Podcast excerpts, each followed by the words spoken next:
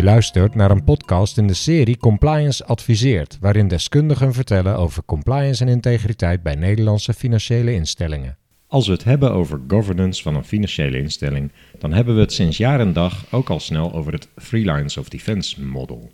Je weet wel, maar even kort door de bocht, de business is verantwoordelijk voor integere en beheerste bedrijfsvoering. Compliance adviseert, denk aan de titel van deze podcast. En monitort onafhankelijk in de tweede lijn, waarna audit nog een derde rol heeft met het rapporteren over de effectiviteit van wat er gebeurt in de eerste en tweede lijn. DNB handhaaft zelfs binnen financiële instellingen op naleving Three Lines of Defense. Dat werkt allemaal prima zo, toch? Nou, de bedenkers van Three Lines of Defense zelf hebben inmiddels een aanpassing op de Three Lines of Defense model uitgebracht. We bespreken dit onderwerp uitgebreid in deze podcast met Marlene Jans. Ze is ruim 2,5 jaar director bij RSM Netherlands Consultancy BV en heeft daarvoor in vele rollen in het vak haar sporen verdiend en geeft tegenwoordig ook veelvuldig trainingen voor professionals. Welkom in deze podcast Marlene. Dankjewel. En dank dat je je inzichten met ons wil delen. Nou, heel fijn dat ik hier mag zijn. Zou je om te beginnen iets willen vertellen over jezelf en je achtergrond? Zeker. Ik ben inderdaad director bij RSM Netherlands Consultancy. En ben begin 2018 toegetreden tot Philip Sydney als associate partner. Philip Sydney was destijds een nichekantoor uh, met focus op uh, governance, risk management en compliance. En is in 2018 overgenomen door RSM Netherlands. En RSM is een combinatie van accountants, fiscalisten en consultants met nou, ruim 48.000 professionals in meer dan 120 landen. Dat eventjes voor dat kader. Daarnaast ben ik inderdaad ruim 20 jaar actief als zelfstandige professional op het gebied van uh, compliance en corporate governance. En ik heb bij de start van mijn loopbaan heel veel gewerkt op ondersteunende functies eh, op het niveau van raad van bestuur. En dat was voor mij uiteindelijk een doodlopende straat, waardoor ik toen heb gekozen om, te, uh, om ondernemingsrecht te gaan studeren met als postdoctorale specialisatie corporate governance. Ik voelde heel nadrukkelijk dat een sterke corporate governance kan bijdragen aan een duurzame ontwikkeling en een weerbare, veerkrachtige organisatie. Dat maakt ook dat ik tevens ben gecertificeerd als commissaris, een commissarisopleiding in Rotterdam gevolgd en uiteraard gecertificeerd als compliance professional. Nou, ik heb heel veel jaren um, in, grote ondernemingen gewerkt.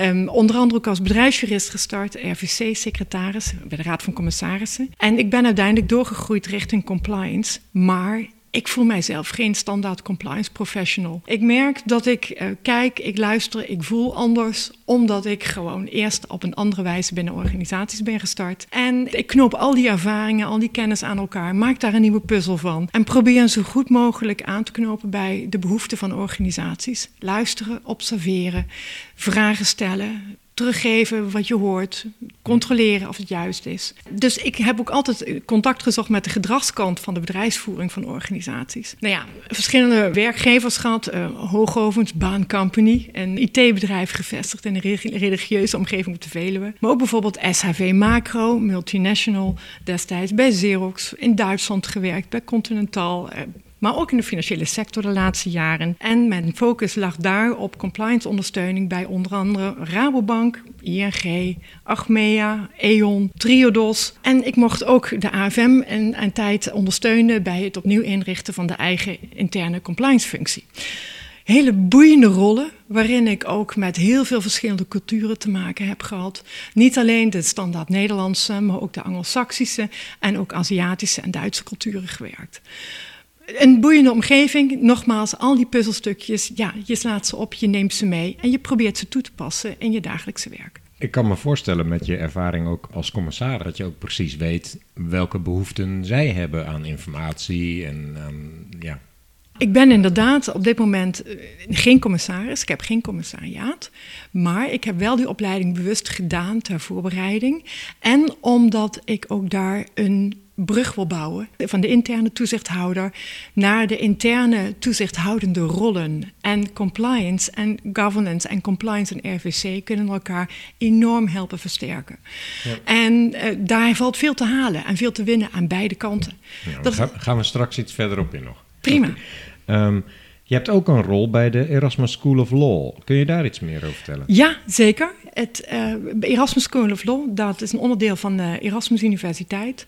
Daar heb ik uiteindelijk een aantal onderzoeken gedaan. Ik ben daar uh, senior fellow en ik heb meegewerkt aan diverse onderzoeken op het raakvlak van de financiële sector en corporate governance. Ik kom niet echt uit die wereld. Wat wil senior fellow zeggen? Nou, dat betekent eigenlijk dat je een onderzoeksrol hebt, dat je een vrije rol hebt, dat je niet meteen in het onderwijs betrokken bent, maar dat je wel daar tegenaan schurkt, dat je daar wel onderzoek doet, mee publiceert. Ik heb met een aantal collega's boeken geschreven, publicaties verzorgd.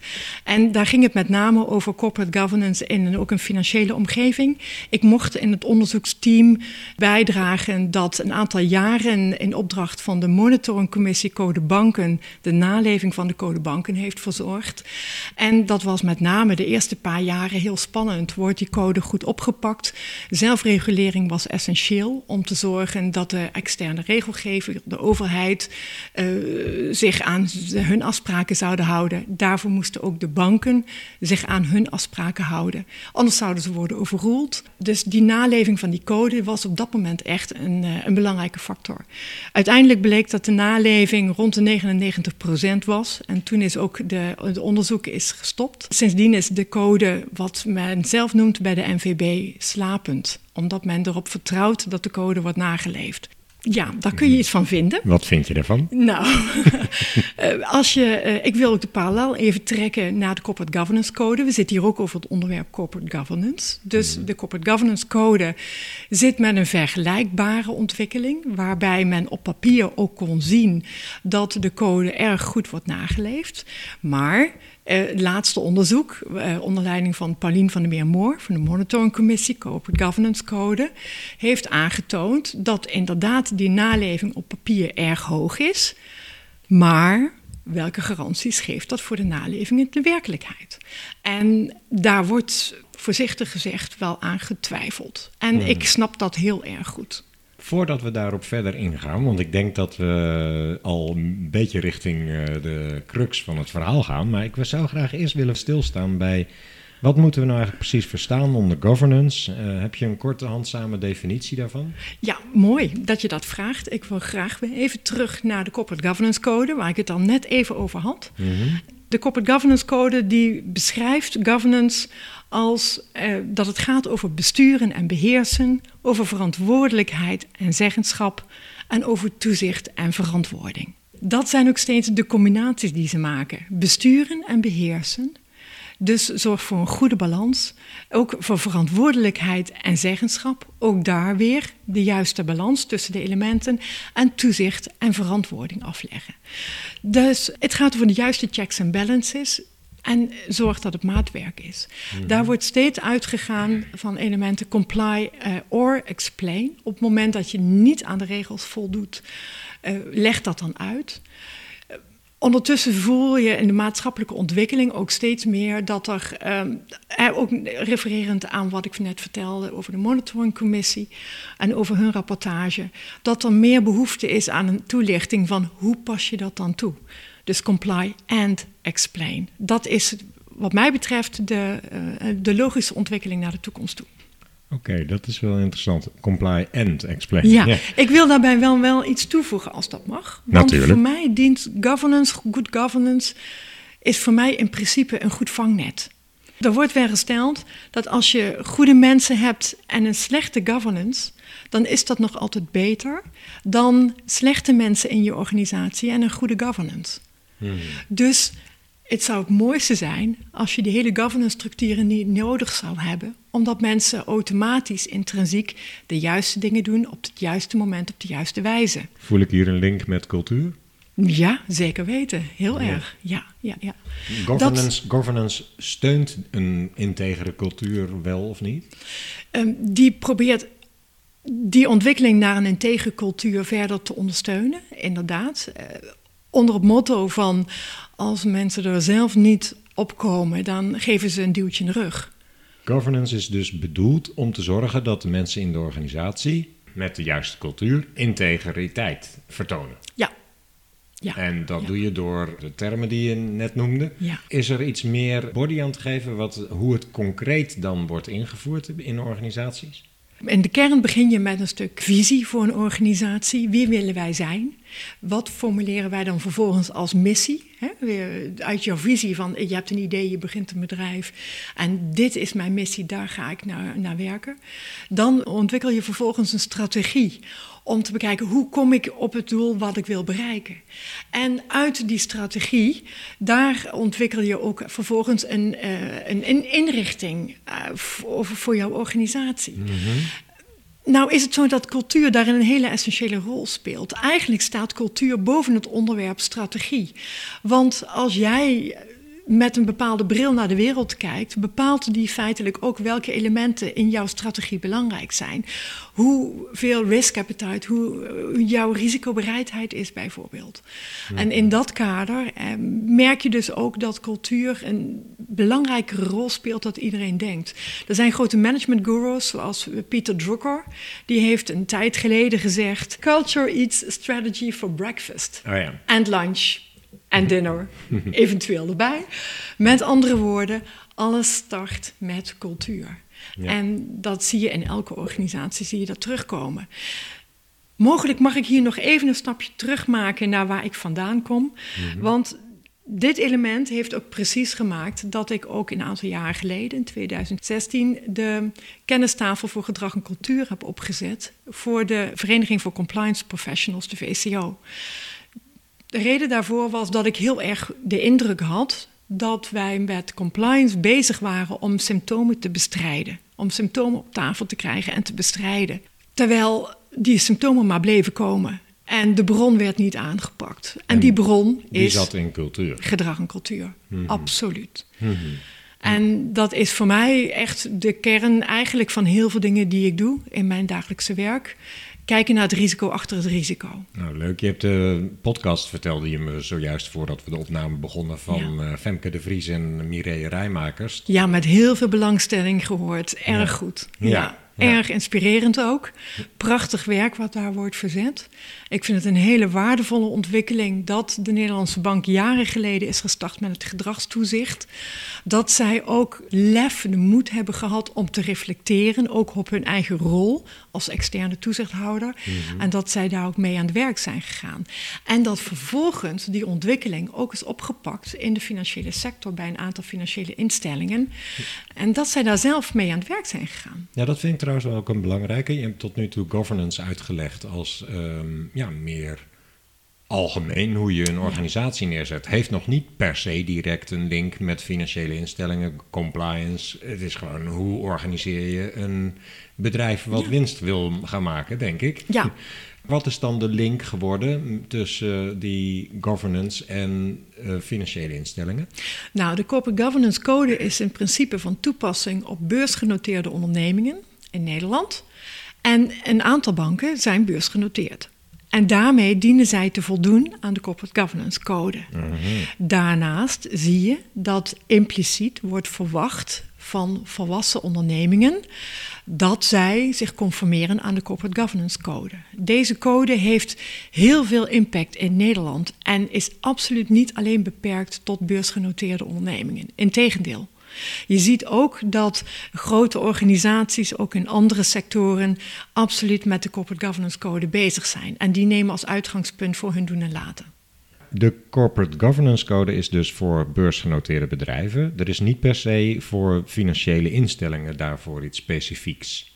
Dan refereer je feitelijk aan de overige inrichtingsvereisten. Die zijn vastgelegd bijvoorbeeld in de EBA Guidelines on Internal Governance. En je refereert dan ook bijvoorbeeld aan het besluit prudentiële regels, een uitwerking van de Wet op Financieel Toezicht, de WFT. Juist, dat is de wettelijke basis voor de hele governance. Voor de hele inrichting, precies, bij financiële instellingen, exact. En wat is daar dan weer de link met de onafhankelijkheid van de compliance-functie? De kern eigenlijk van waarom wij überhaupt begonnen zijn met deze podcast. ja, inderdaad, dat zeg je goed. Nou, dat, eh, de link daar is dat er wordt geëist dat er een onafhankelijke functie is, een onafhankelijke rol is binnen de organisatie, die toeziet op de wet en naleving, van de naleving van de wet en regelgeving. Dus met andere woorden, zij borgen eigenlijk in de WFT en met de bestuitprudentiële regels meteen dat de wet ook dient te worden nageleefd en hoe dat dient te gebeuren en wie men daarvoor intern, hoe men dat intern moet inrichten, laat ik het zo zeggen. Mhm. Dan gaan we nu op uh, de Three Lines of Defense over, wat mij betreft. Ja, eens? ja, prima, helemaal eens. Fijn. Wat is in het kort de historie van de Three Lines of Defense? De Three Lines of Defense is eigenlijk ruim 20 jaar geleden ontstaan uh, onder de paraplu van de IIA, de IIA. Uh, eh, Institute of uh, Internal Auditors, mm -hmm. opgericht in de VS in 1941 alweer. Dus dat is echt wel een tijd geleden. De IIA is een internationale beroepsorganisatie van internal auditors. En ook echt door internal auditors opgericht, omdat zij allemaal behoefte hadden aan meer een eenvormigheid, aan de ontwikkeling van standaarden om hun werk goed te kunnen doen en ook hun eigen functie goed te kunnen inrichten daarvoor. Beperkt dus tot internal auditors? Internal auditors, De Big Four, die doen daar niks mee? Het is internal audit gefocust. Okay. Absoluut. Duidelijk. En zij verzorgen dus ook eigen opleidingen. Je hebt ook die opleidingen nodig om je als gecertificeerd internal auditor te mogen kwalificeren, te kunnen benoemen. Mhm. En zij ontwikkelen dus niet alleen standaarden, maar ze ontwikkelen ook guidance voor nieuwe ontwikkelingen op het gebied van internal audit. Nou, en daar gaan we eigenlijk. Want uiteindelijk merkten zij dat in hun rol als internal auditor, dat zij ook iets dienden te vinden van het onderwerp risk management. En om dat goed aan te kunnen pakken, hebben zij uiteindelijk het eerste Three Lines of Defense model ontwikkeld. Om risicobeheersing goed vorm en inhoud te kunnen helpen geven in organisaties. Ja, het is een governance model eigenlijk, hè, de Freelance of Defense. Nou ja, oorspronkelijk was het dus een model om risicomanagement invulling te geven. De hmm. nieuwe vorm wordt nadrukkelijk neergezet als een governance model. Okay. Dus hier haak je al even door naar de nieuwe versie. Nou, dat is interessant. We, we, bouwen de spanning graag op, dus laten we dat nog even uitstellen voor straks. Maar wat houdt dat Freelance of Defense model dan precies in? Eventjes nog heel kort. Nou, nee, nog, nog, als ik nog heel kort heel even mag. Uiteraard. Ehm, ruim twintig jaar geleden zijn ze dus gestart met de ontwikkeling van het Freelance of Defense model. Het is opvallend dat de eerste echte publicatie over dat model pas plaatsvond in 2013. Toen is er een position paper gepubliceerd. tot die tijd hebben ze het intern gehouden. Ze hebben dat intern ontwikkeld totdat zij merkten van hé, hey, er is veel meer behoefte ook in, bij andere organisaties aan het gebruik van dit model. En daar, is, daar dienen we veel meer ruchtbaarheid aan te geven. Mhm.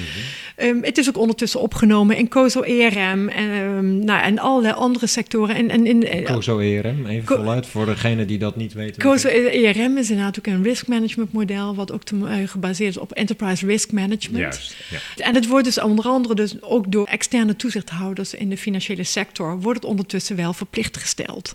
Ja. En dat is een boeiende. Mhm. Want de vraag is, waar staat dat concreet in de wet dat jij expliciet dit model moet handhaven? Dat wilde ik nou net vragen. Ja. nou, wat er gebeurt is dat het model als standaard is ingeslopen in de wet en regelgeving. Dat er eh, uiteindelijk in de wet niet rechtstreeks staat van jij moet dit model concreet handhaven. Maar dat wel in de uitwerking van allerlei wet en regelgeving, dus ook in de EBA Guidelines on Internal Governance. Daar staat wel concreet benoemd dat er gebruik wordt gemaakt van het Three Lines of Defense model. Ja, en EBA Guidelines zijn die hebben een wettelijke status ook, toch? Nou, dat is, um, het zijn guidelines, het zijn hmm. richtlijnen. Hmm. Ook, maar ondertussen gaat de impact van met name deze specifieke guidelines wel heel erg ver. Ik denk niet dat er enige bank of financiële instelling is die het in zijn hoofd haalt om deze guidelines on internal governance volledig terzijde te leggen. Mhm. Dus dat is wel een hele belangrijke. Mhm. Ja. Terug naar jouw vraag. Wat houdt het Three Lines of Defense model in? Daar komt ie. Ja, nou, de uitgangspunt is feitelijk dat een organisatiestructuur uit drie lijnen bestaat, waarbij de eerste lijn wordt ingevuld door het lijnmanagement met een primaire verantwoordelijkheid voor processen op de werkvloer. Dus eigenlijk primair verantwoordelijk voor de business. De tweede lijn wordt dan ingevuld door de risicomanagementfunctie, de compliance-functie en de gegevensbeschermingsfunctie. Privacy speelt ook ondertussen een Zij ondersteunen en adviseren de eerste lijn en monitoren de naleving van de wet en regelgeving. En ook van de interne regelgeving. Oké, dus IT security of bijvoorbeeld risk management zal wel in de tweede ja, lijn zijn. risk management, ja, precies Mhm. volgens dit model. Maar Nou, IT security niet? nou daar, ja, Raf, eventjes mijn derde lijn, als Oh. ik die mag even mag afmaken. Want Jij bent eh, deskundige hier. Nou, nee, maar dit is wel namelijk het het- een van de discussiepunten waarom er eh, gewerkt is aan een update van het model. Oh, oké. De derde lijn wordt inderdaad ingevuld door de internal audit functie en deze moet de effectiviteit van de organisatieinrichting toetsen en ook de werking van de procedures en maatregelen moet daarover rapporteren en zij controleren daarnaast ook of de eerste en de tweede lijn effectief werken en of de tweede lijn dus ook zijn functie goed uitoefent. Nou is inderdaad er dus een ontwikkeling ontstaan in de samenleving, waarbij de tweede lijnsfuncties ook anders werden ingevuld.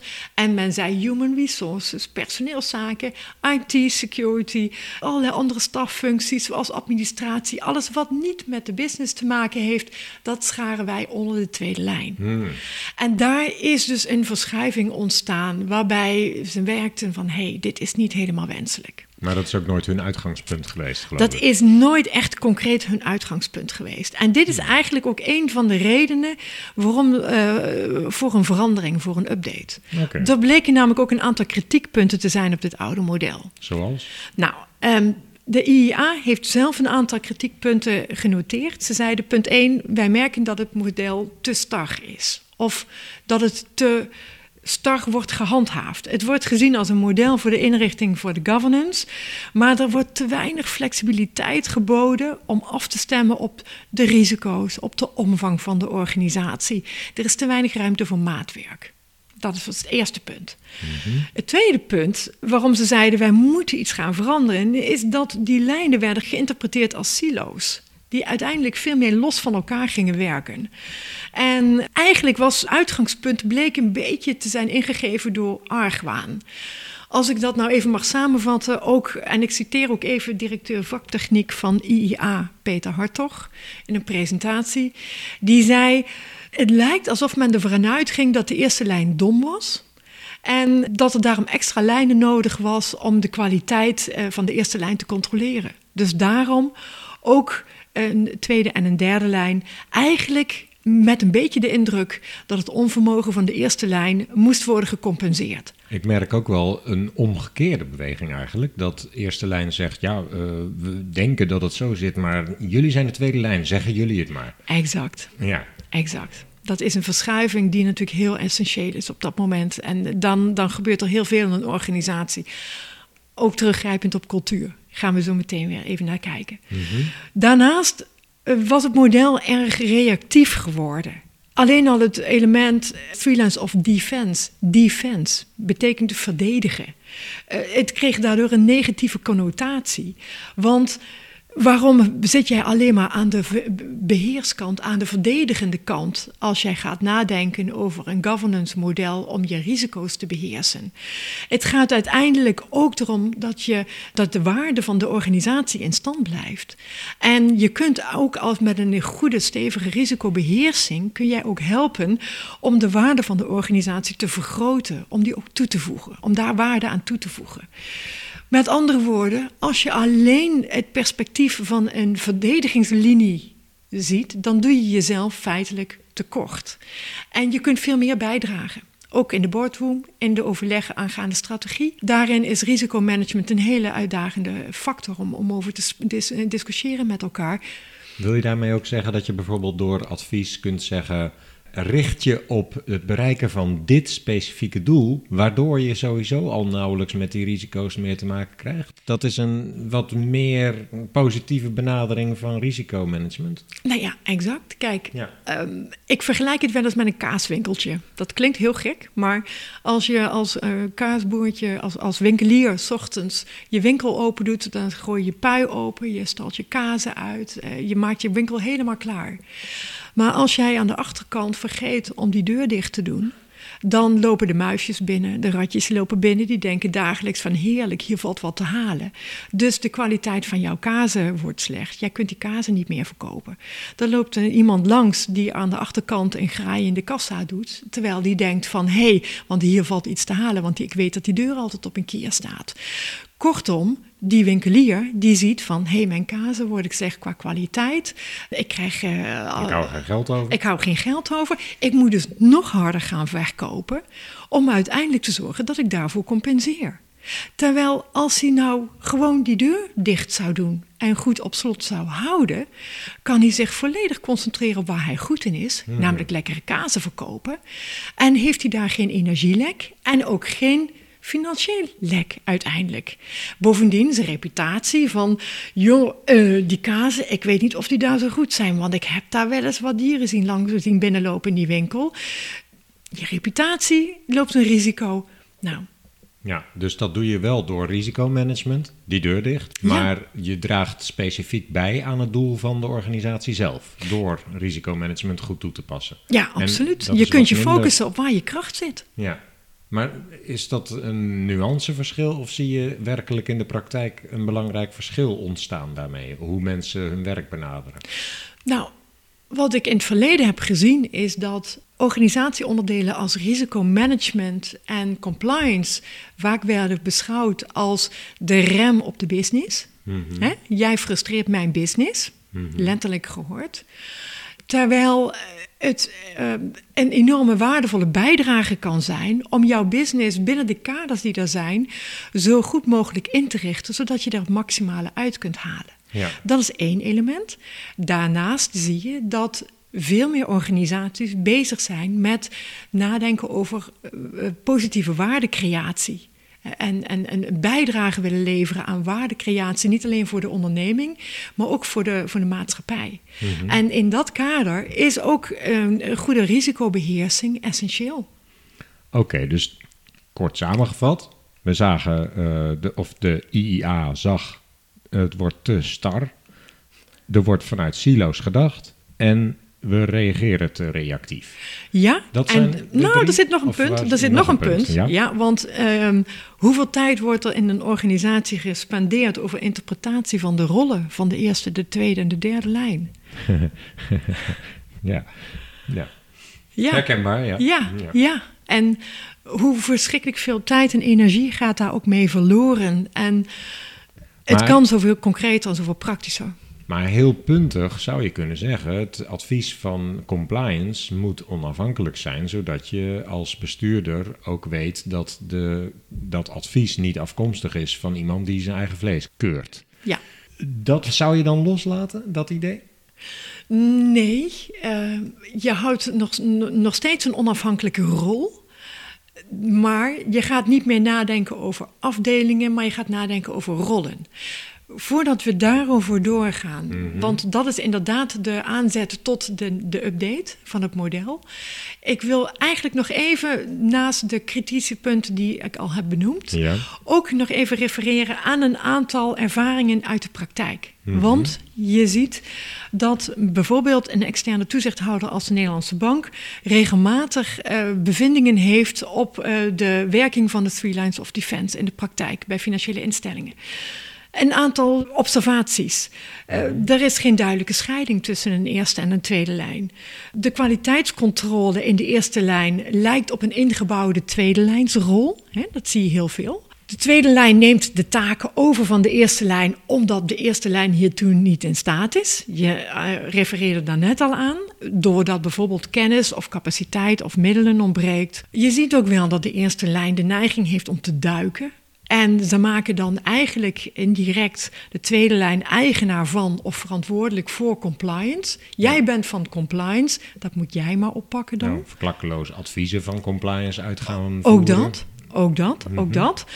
Je ziet bijvoorbeeld ook dat er verkeerde targets worden gesteld aan de eerste lijn. En dan refereer ik ook even aan een concrete uh, case uh, bij ING.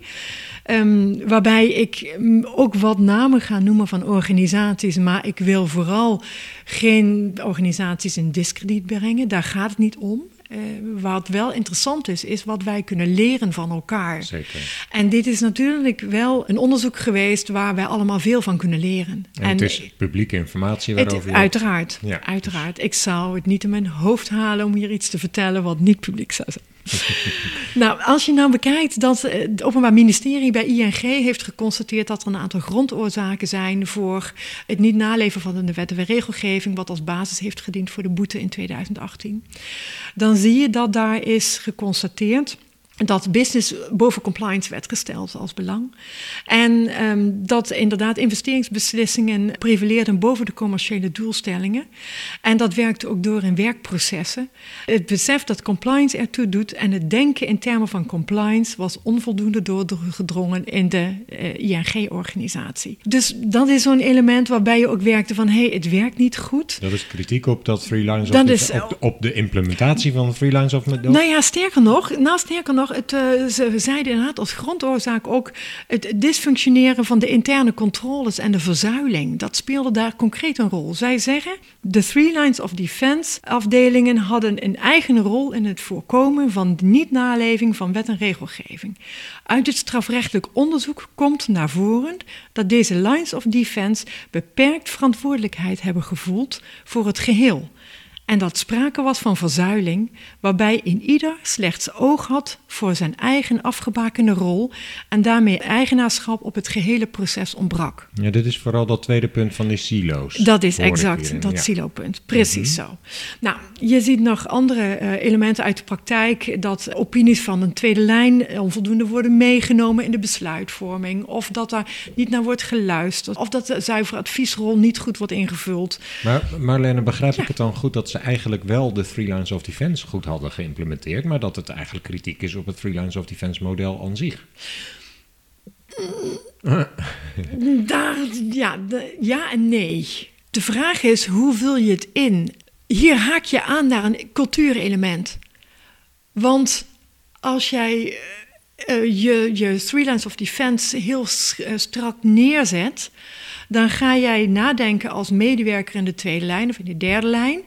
Mijn verantwoordelijkheid is alleen maar om te controleren of om te monitoren op. Mhm. En dan kun je heel strak op een gegeven moment afvinken van oké, ik heb daarop gemonitord. Terwijl het net zinnig is om te kijken naar het doel wat hierachter zit. Net als het niet... niet... Zijn we met z'n allen in tegen bezig. Dat is in feite het doel. Exact, exact. En kijk niet naar de letter van de wet of naar de regel, maar naar de geest van de wet of de regel. Ja, en als jij kunt aantonen dat jij wel hebt gemonitord, maar dat jij niet kunt aangeven met het doel om de vraag te beantwoorden: zijn we met z'n allen goed bezig? Doen we de juiste dingen op de juiste wijze? Ja, dan schiet je toch je doel voorbij. Ja, maar dit lijkt wel heel sterk op gewoon menselijk gedrag. Mensen proberen zelfs hun, hun rol zo goed mogelijk in te vullen, maar verliezen uit het oog dat er een breder perspectief kan zijn. Ja. Klopt. En, dat heb je bijvoorbeeld in grote organisaties, zie je dat veelvuldig voorkomen, dat ze geen oog meer hebben op dat grote kader. Nee. Dat ze zich daar ook niet meer bij betrokken voelen. Nee. En dat dat ook niet transparant wordt gemaakt. Waar doen wij dit met z'n allen voor? Waarom zijn wij hiermee bezig? Ik begrijp het probleem. Mooi. Mhm. Valt daar nog meer aan toe te voegen? Aan, je had voorbeelden, zei Ja, er zijn natuurlijk meerdere voorbeelden. De onafhankelijke tweede lijnsfunctie die staat onder druk bij een aantal organisaties. Er is recent een publicatie geweest over uh, de Giro. Uh, maar ook andere organisaties, ook uh, buitenlandse banken met de vestiging in Nederland. Daar wordt ook aandacht voor gevraagd van jongens, dit gaat niet goed. Dus, um, en ABN AMRO, daar zijn wij met z'n allen natuurlijk benieuwd naar wat daar aan gaat komen, wat we mogen verwachten. En ik hoop dat um, daar ook meer inzicht wordt gegeven in de overwegingen van het Openbaar Ministerie, externe toezichthouders, hoe er wordt geoordeeld en waarom men zo oordeelt. Ja, we nemen dit op in februari 2021, dus misschien tegen de tijd dat u dit luistert, uh, weet u daar al wat meer van? Mogelijk, ja. ja. Ja, ja, goed. Wat zijn dan de uitgangspunten van dat nieuwe freelance of model? Nee, laat ik eerst even vragen. Wie heeft nou die signalen dan allemaal opgepikt om te kijken, hier moet misschien iets veranderen aan dat freelance of defense model? Nou, de IEA die uh, zag in de praktijk dat het model een andere dynamiek kreeg dan waar het voor was bedoeld. En zij zijn twee jaar geleden, nee, drie jaar geleden ondertussen, dus in 2018, gestart uh, met een evaluatie van het oude model. Ze zijn gestart met internationale teams. Zijn in twee jaar tijd hebben ze een model geëvalueerd, hebben ze een nieuwe versie neergezet en ze hebben dat gepubliceerd voor consultatie. Daarop zijn ruim 2000 reacties gekomen. Oeh. Ja, reacties van individuen, van organisaties, van beroepsorganisaties wereldwijd. Probeer daar maar eens de gemene deler in te vinden. Ik wens je succes. Nou. Ja. Uiteindelijk heeft dat geresulteerd in een nieuwe versie die en er al. Die is eh, gepubliceerd in juli 2020, eh, dus mm juli vorig jaar. Mhm. En dat eh, heet nu ook het Three Lines model. En die uitgangspunten ah, defense is eruit. Defense is eruit, ja. En dat is een van de belangrijkste punten. Het doel daarvan is om de wijzigingen in de moderne risicomanagement en in de governance nu in dit nieuwe model te integreren. Maar ook een soort heldere aanpak, een recht aanpak te behouden, zodat het overzichtelijk blijft.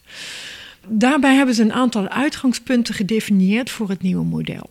En het nieuwe model, daarvan zeggen ze, we willen nog steeds een generiek model het uitgangspunt laten zijn, zodat je dat in principe voor elke organisatie kunt toepassen, in elke sector, in elke, met elke omvang. De bedoeling van het model is om de waarde van de organisatie niet alleen te beschermen, het defense element, maar ook om te helpen vergroten. Dus ook concreet, proactief mee te kijken naar het benutten van kansen voor je organisatie. Mhm. Dan wordt het dus meer een onderdeel van je strategie, in plaats van dat je je ook al eh, als risicomanagement of als een tweede lijnsrol defensief gaat opstellen. Dus je gaat meer kijken, ook denk weer aan de kaaswinkel. Hoe kan ik mijn verkoop, mijn sales maximaal vergroten? En hoe zorg ik dat ik daarvoor als uitgangspunt mijn achterdeur goed dicht houd? Dan kan ik me focussen op waar ik sterk in ben. Ja, ik, ik ben helemaal opgegroeid met defense. Dus ik zit even te denk, Snap ik. wat betekent dat voor compliance ja. dan bijvoorbeeld? Ja, daar gaan we, komen we zo meteen op. Jazeker, jazeker. Nou, voor de rest uh, is het voor, uh, van belang dat het adaptief en niet te star wordt geïnterpreteerd. Zij willen ook nadrukkelijk af van die starre werking en waarbij je in silo's blijft, blijft opereren. Dus daar willen ze vanaf. meer maatwerk en hou meer rekening met de omvang en de aard en de specifieke risico's van je organisatie. Tot slot willen zij eigenlijk benadrukken dat het van belang is om meer te gaan samenwerken tussen de lijnen. Mhm. En dat is een hele interessante. Ja. Ja, want uh, je ziet inderdaad dat je waar uh, soms afdelingen de neiging hadden om ja, elkaar te gaan belemmeren, laat ik het zo samenvatten. Ik ken instellingen waarvan ze zeggen, nou ja, er zit ergens in een hoek compliance, maar wij mogen er niet eens mee contact opnemen. Nou, verschrikkelijk. Ja, ja. ja dat is dus niet de bedoeling, begrijp Nee, precies. En ik, misschien mag ik een voorbeeldje geven uit mijn eigen praktijk. Ik heb een, op een gegeven moment een afdeling compliance opgezet bij een vrij grote financiële instelling. En ik heb gevraagd aan mijn teamleden om één dag in de week bij een andere afdeling op de werkplek te gaan zitten. Mhm. En iedereen kreeg speciale, specifieke divisies, die werden verdeeld onder de teamleden. En één dag in de week zat deze dame of deze heer zat op die afdeling. En dat was doodeng in het begin. Mhm. Want wat kom jij doen? Oh jongens, compliance zit op de afdeling. Maar eh, nou moeten we ons mond houden, want wat doen we allemaal verkeerd? Nou, ik kan me dat vanuit de eerste lijn goed voorstellen, dat ze dat eng vinden. Ik kan ja. me ook voorstellen dat die compliance-medewerker denkt, ben ik nog wel onafhankelijk straks? En, ook dat, ook dat. Maar wat gebeurde dan nou? Eh, dat was dus inderdaad aan het begin eh, eh, erg onbekend, onwennig. En op een gegeven moment ga je toch bij de koffieautomaat ga je een praatje maken van jee, maar waarom zit je hier op de afdeling? Ja, en wat doen jullie nou eigenlijk? Leg dat nou eens uit. En toen bleek die compliance officer ook gewoon een mens te zijn. Exact. Ja. En dat niet alleen. Maar die had misschien nog wel meer verstand van zaken dan dat zij eerst hadden voorzien. Dus dat was ook wel een beetje schrikken misschien wel. Maar daarnaast ook wel een interessante kans. Want uiteindelijk zeiden ze van... oh, maar wat goed dat jij dan hier bent. Want ik heb eigenlijk misschien ook wel even een praktisch vraagje aan jou. En hoe zouden we dat dan moeten doen? Waardoor je op een hele laagdrempelige wijze... ook je adviesrol mooi kon invullen. Mhm. En uiteindelijk ontwikkelde die dynamiek zich heel positief. En werden op een gegeven moment ook de teamleden gevraagd van jongens, Oh, volgende week komt een hele complexe klant bij ons op bezoek met een hele ingewikkelde situatie. Hoe kunnen wij dit nou zo goed mogelijk aanpakken? Mhm. Dan krijg je dus je adviesrol op een hele andere wijze ingevuld. Is dat vanuit dit nieuwe model van IEA nog steeds een tweede lijn rol? Of? Dat is nog steeds een tweede lijnsrol, mm waarbij je dus dient te benadrukken dat je een advies geeft en dat de verantwoordelijkheid nog steeds ligt bij de eerste lijn. Oké, dus je hebt dat advies gegeven, vervolgens gaat diezelfde compliance officer die eerste lijn monitoren en beoordeelt, hmm, mijn advies is niet opgevolgd, nou, hmm, gaat niet goed hier.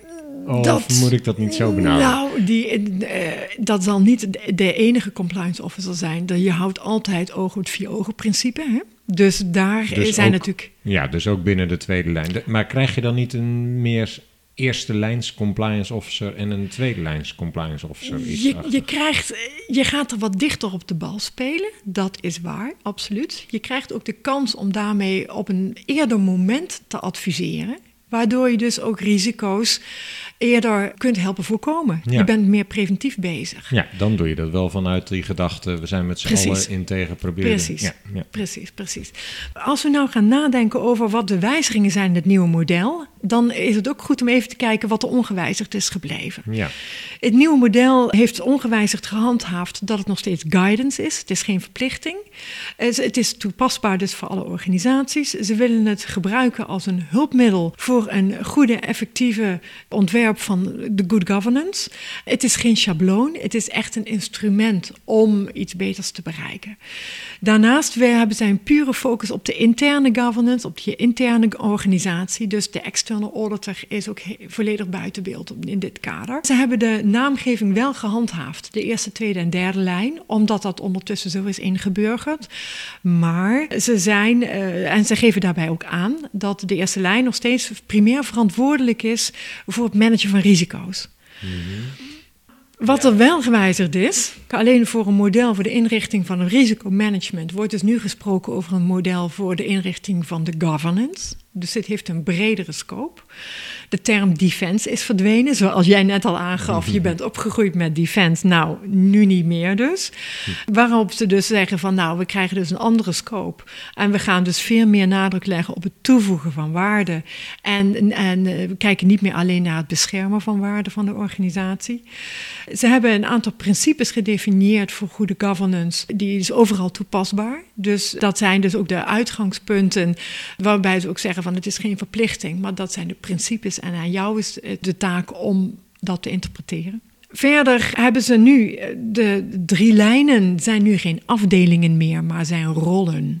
Mhm. En dat betekent dat als jij gaat nadenken over een rol, dat je die ook op een andere plek zou kunnen, zou kunnen gaan beleggen in de organisatie. Ja, de afdeling compliance zou opgegeven kunnen worden en er zit een compliance gespecialiseerde persoon in de business.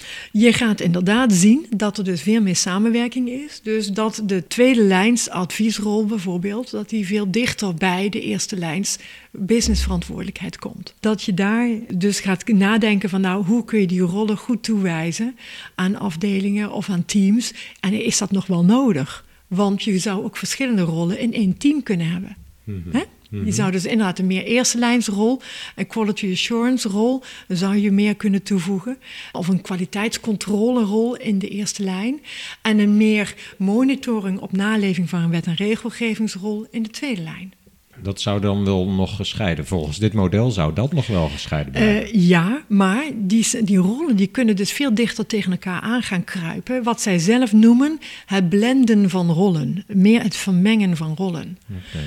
Is dat het hele verhaal wat ze willen veranderen? Of waren er nog Nou, um, ze willen dus eigenlijk daarmee dus ook de gezamenlijke verantwoordelijkheid voor de organisatie veel duidelijker zichtbaar wordt. Dat ze dus ook gezamenlijk doelstellingen realiseren. En de tweede lijn omvat nu alleen risicogefocuste functies. Dus de scherpe blik als het gaat om risicobeheersing. En dat bedoel ik dus risicomanagement en compliance. En geen enkele andere functie hoort nog thuis in de Ik moet hem even anders formuleren. Er zijn nu nog maar drie functies die, die horen in de tweede lijn. Dat is alles rond risico's, dus risicomanagement, compliance, maar ook de risico's rond privacy en gegevensbescherming. Oh, ja. Al het andere dient ter ondersteuning van de eerste lijn. Dus denk aan HR, denk aan IT, denk aan administratie. Al dergelijke zaken die dienen ter ondersteuning van de business zijn nu onderdeel van de eerste lijn. In het nieuwe Three Lines Model. Mhm. ja? Compliance blijft wel in de tweede lijn. Ja, compliance blijft wel in de tweede lijn. Heeft de Nederlandse bank al een reactie gegeven op deze? Dat is een interessante dat je dat vraagt. Want de vraag is inderdaad van staat dit ook niet op gespannen voet... Hè, met wat wij als uitgangspunt hanteren voor financiële sector. Ja, de onafhankelijke rol van de compliance staat ook werkelijk letterlijk in de WFT. Zeker weten. Zeker. Maar je noemt hem eh, zuiver de onafhankelijke rol van compliance. Ja, het is de compliance functie zoals het in de wet staat. Exact, exact. Mhm. Dat hoeft dus niet een compliance afdeling te zijn. Nee. En je kunt dus die functie ook beleggen in een andere setting. Maar als je dagelijks in de eerste lijn zit, of de helft van de week of zo, Hoe toon je dan nog aan dat, dat daar onafhankelijk advies of monitoring nou, plaatsvindt? Nou, dan is dus inderdaad, daar is ook, een, ook, daar is ook bijvoorbeeld uh, toegelicht in de derde uh, de internal audit de internal audit daarvan zeggen zij ook: jij bent in principe heb je de ruimte om dichter aan te kruipen tegen een tweede lijnsfunctie, maar niet bij dan, eerste. Of, of, een, e- of een eerste in theorie, maar jij kunt dan je derde lijnsverantwoordelijkheid over dat onderwerp niet meer uitoefenen. Nee, nee. Ja, dus dat moet wel als een dus soort vier-ogen-principe exact, blijven. Exact. Dus denk nu meer na over de inrichting van rollen in plaats van inrichting van afdelingen. Juist. En daarmee kun je inderdaad ook rollen combineren binnen afdelingen, zodra je, zolang je maar zorgt dat de checks en balances en de, de, het vier-ogen-principe, et cetera, goed worden gehandhaafd. Heeft de Nederlandse bank Heeft de Nederlandse bank gereageerd? Ja, ja, ja, ja, ja. Nee, heel goed, heel goed. De Nederlandse bank die vindt het lastig, want IEA heeft dit model gepubliceerd terwijl er op dat moment geen contact is gezocht met externe toezichthouders als DNB. Het lijkt in eerste instantie voor de financiële sector niet mogelijk om het nieuwe Three Lines model te gebruiken, omdat het eh, niet in de lijn de verwachting ligt dat DNB het blenden van de eerste en tweede lijnsrollen zal gaan toestaan. Aan de andere kant, als je nou even teruggrijpt naar wat ik aangaf, de ervaringen in de praktijk, dan zie je dat heel veel blending wel al optreedt en dat daar ook heel vaak discussie over ontstaat. Als je dat wel zou toestaan, maar je zou bijvoorbeeld de monitoringrol uithalen uit die compliance-rol zoals we hem nu kennen, en de adviesrol bijvoorbeeld wel iets dichter laten aanschuren tegen de eerste lijnsrol, dan krijg je daarmee ondersteuning. Dan krijg je daarmee een gezamenlijke optrekken als het gaat om risicobeheersing in een eerste lijnsfunctie. De eerste lijnsmanagement is ook verantwoordelijk voor en de business en de risicobeheersing. Dat wordt dan daar ook beter herkenbaar. En dan krijg je wel een andere rol voor compliance die iets meer op afstand staat als het gaat om monitoring. Ik kan me nog voorstellen dat je het adviesrol van compliance naar de eerste lijn brengt. En dat je het monitoren juist in de tweede lijn houdt de onafhankelijkheid blijft daarmee zo goed mogelijk gegarandeerd. Ja. De adviesfunctie, ja, waarom zou dat niet ook een businessrol zijn? Is dat waar ze naartoe willen? Nou, ze zoeken meer naar een samenwerkingsverband. Zij zeggen ook van jongens, wij hebben gezien dat heel veel lijnen zo werden ingevuld dat mensen hun taak afronden en dan zei mooi, mijn bureautje is schoon en wat jullie daar verder mee doen is jullie verantwoordelijkheid. Dat stramien, dat wil ze graag doorbreken. Ja, daar kan ik me wel iets bij voorstellen, maar ik vind het toch nog steeds een beetje moeilijk voorstelbaar of zo iemand die als compliance in de eerste lijn adviezen uitbrengt, of dat dan nog steeds een tweede lijn rol is, een onafhankelijke rol.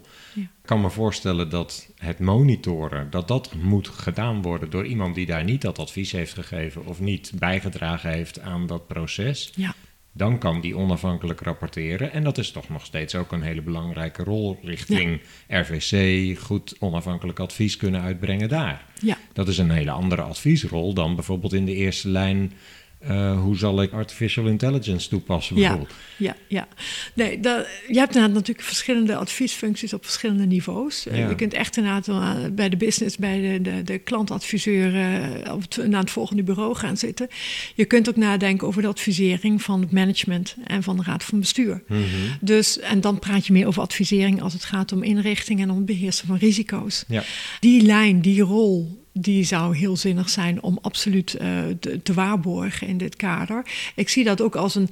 De als onafhankelijkheid. Een, de daarvan. onafhankelijkheid daarvan. Mm -hmm. uh, het is een gezonde wijze van tegenspraak. De AFM heeft ook laatst gepubliceerd over de ontwikkeling van de compliance-functie bij beleggingsondernemingen. En daarbij zeggen ze ook: het, het gezond organiseren van tegenspraak is een teken van uh, volwassenheidsfase van de organisatie. Mm -hmm. Dus uh, even in mijn woorden samengevat, hè? Ja, okay. uh, alsjeblieft. Ja. Mm -hmm. Dus uh, niet Disclaimer. Dat, ja. dus je ziet dat daar wel een. dus je kunt adviesrol kun je op verschillende niveaus invullen. Dat is wat ik wilde zeggen. Als ja. je gaat nadenken over de onafhankelijkheid van compliance, hier, hoe kan die worden geborgd? Want de druk kan heel groot zijn vanuit de eerste lijn, ook vanuit het eerste lijns management op de compliance functie. Heb ik zelf ook heel veel meegemaakt. Dan kun je daar een aantal uh, systemen voor inrichten. Aan de ene kant je rapportagelijn natuurlijk. Uh, niet alleen naar de raad van, van bestuur, maar ook naar de raad van commissarissen. Mm -hmm. Zorgen dat je de gesprekken bij de auditcommissie, dat je die goed kunt invullen. Dat je daar helder kunt formuleren wat jij ziet als risico's, maar ook als kansen. Ik bedoel, compliance ja. is ook een kans. Ja. En is ook een versterking van de integriteit van de organisatie. Ja. Zorg dat ook dus de commissarissen goed begrijpen welke dynamiek er speelt op de werkvloer bij compliance en wat de observaties zijn. En in dat kader, en dan haak ik toch eventjes terug naar ook wat wij doen bij de kennistafel gedrag en cultuur. Er is een, onder, een onderzoek uh, gedaan naar de, de relatie tussen de compliance officers en de commissarissen. Om ook te onderzoeken in hoeverre voelt men zich begrepen. Als compliance. Als compliance mm -hmm. Functionaris. Mm -hmm. En worden bijvoorbeeld ook bij de commissarissen de juiste inzichten gedeeld, de juiste vragen gesteld en dergelijke zaken. De publicatie daarover is in voorbereiding op dit moment. Dus dat uh, zijn interessante ontwikkelingen om te kijken, voel je je ook goed gehoord? Is jouw Wordt jouw, jouw, onafhankelijke invulling van jouw taak ook voldoende geborgd in de organisatie? Daarvoor heb je de relatie met de commissarissen hard nodig. Ja, ja dat uh, herken ik uit de praktijk inderdaad. Wat moet compliance met deze nieuwe benadering van de IIA? Het is uh, uh, interessant dat zij zien dat compliance toegevoegde waarde heeft als het gaat om het, uh, niet alleen het beschermen van de waarde van de organisatie, maar ook een bijdrage levert aan het creëren van waarde van de organisatie. Dat betekent dat je daar als compliance dus minder die defensieve rol hoeft in te nemen. En dat het mooi is als je ook aan de strategietafel kunt zitting nemen. Dat uh, betekent ook dat je op een andere wijze uh, de samenwerking kunt gaan opzoeken met de business. Een van, mij, van, van de kernelementen in mijn werk is vaak het bouwen van bruggen. Het creëren van wederzijds begrip. Wat heb jij nodig om jouw taak goed te kunnen vervullen? En wat heb ik nodig om een goed zicht te krijgen op de organisatie, zodat ik jullie weer goed kan adviseren? Daar kun je op een andere wijze invulling aan geven. Dat speelt een belangrijke rol. Die adviesrol die zal dubbel blijven. Dat, uh, dat hoort erbij. De monitoringrol kun je sterker in gaan zetten. En het is, uh, eigenlijk is uh, onderliggend de vraag: kunnen wij het wij- en zij-gevoel helpen doorbreken op deze wijze? En ik denk dat dit een waardevolle aanvulling is. Nou, ik denk ook uit het voorbeeld wat je van het Houston-onderzoek hebt voorgelezen, zeg maar, dat stukje. Ja. Daaruit merk je wel dat er belang is om daar eens naar, anders naar te gaan kijken. Of, of daar moet iets op bedacht worden. Stel dat de uh, IEA eigenlijk een, nu een andere koers gaat varen dan Nederlandse ja, Bank. Wat, gaat... wat, wat niet onmogelijk lijkt. Klopt. Dan heb je er als financiële instelling, ja, dan volg je gewoon wat de DNB uh, daarvan vindt, neem ik aan. Dus...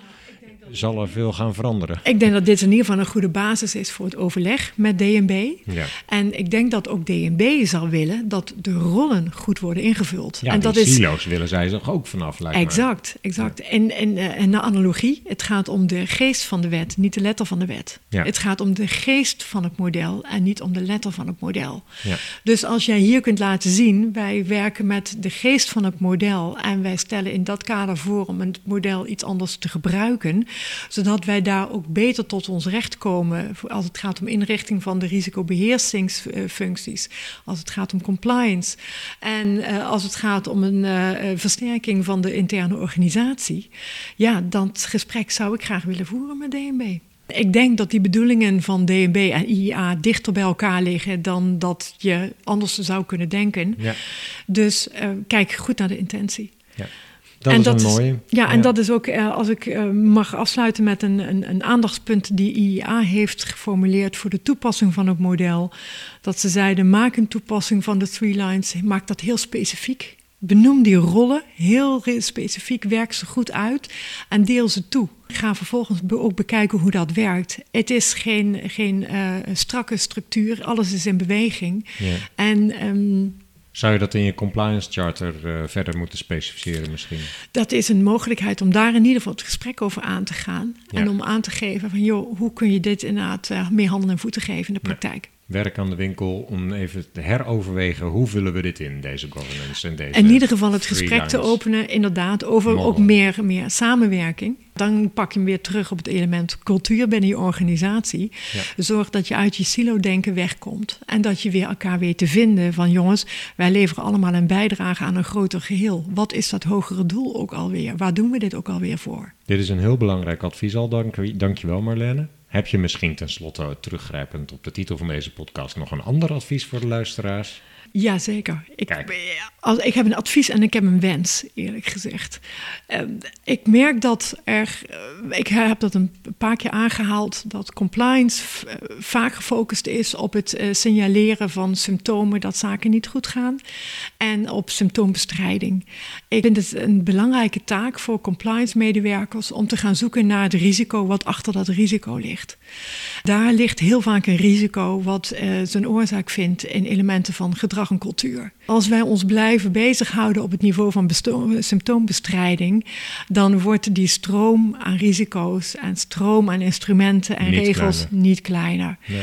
Dus als wij uh, de oorzaken durven aan te pakken, dan krijgen wij een, een hele andere dynamiek. Dan wordt ook het vak veel en veel leuker, zeker weten.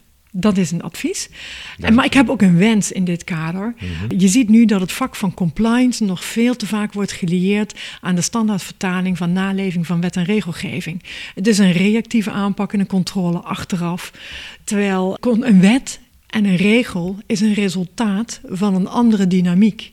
Mensen hebben eerst met elkaar geconcludeerd: we doen het niet goed, we willen iets verbeteren, we willen iets veranderen. En een wet komt dan pas jaren later uiteindelijk tot stand. Ja. Als je dus uiteindelijk je focust op naleving van wet en regelgeving, loop je achter de bal aan, ben je in principe jaren te laat. Ja.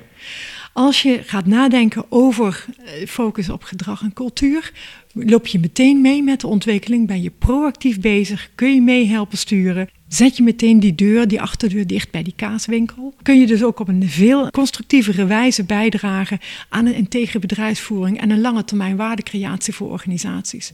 En uiteindelijk is dat toch wat we allemaal willen. Absoluut. Hartelijk dank voor deze bijdrage, Marlene. Heel graag gedaan. Ik vond het erg leuk om hier te mogen zijn. Heel veel succes ook voor de toekomst. Dankjewel, jij ook. Dank dat je luisterde naar Compliance Adviseert. Heb je met plezier geluisterd? Volg dan op LinkedIn de pagina van Compliance Adviseert. Heb je een vraag of aanvulling? Laat dan ook even een reactie achter op de LinkedIn-pagina. Ik zal het met plezier lezen en wellicht kunnen we op die manier nog meer compliance kennis delen. Heel graag tot de volgende podcast.